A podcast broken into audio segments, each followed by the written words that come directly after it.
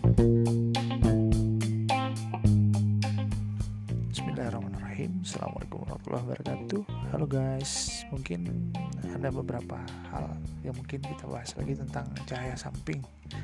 Dan sebelumnya mungkin sudah kita bahas tentang exposure.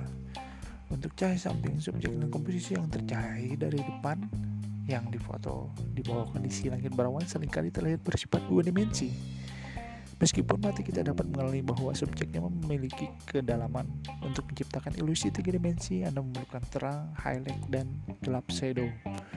Dengan kata lain, Anda membutuhkan cahaya samping selama beberapa jam setelah matahari terbit dan beberapa jam sebelum matahari terbenam.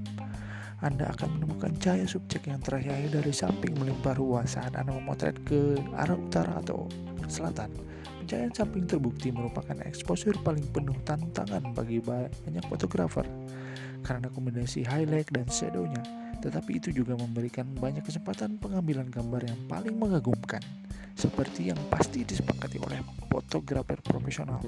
Subjek yang tercahaya dari samping melebihi yang tercahaya dari depan atau belakang e, memperoleh respon yang jauh lebih kuat dari para penikmat foto.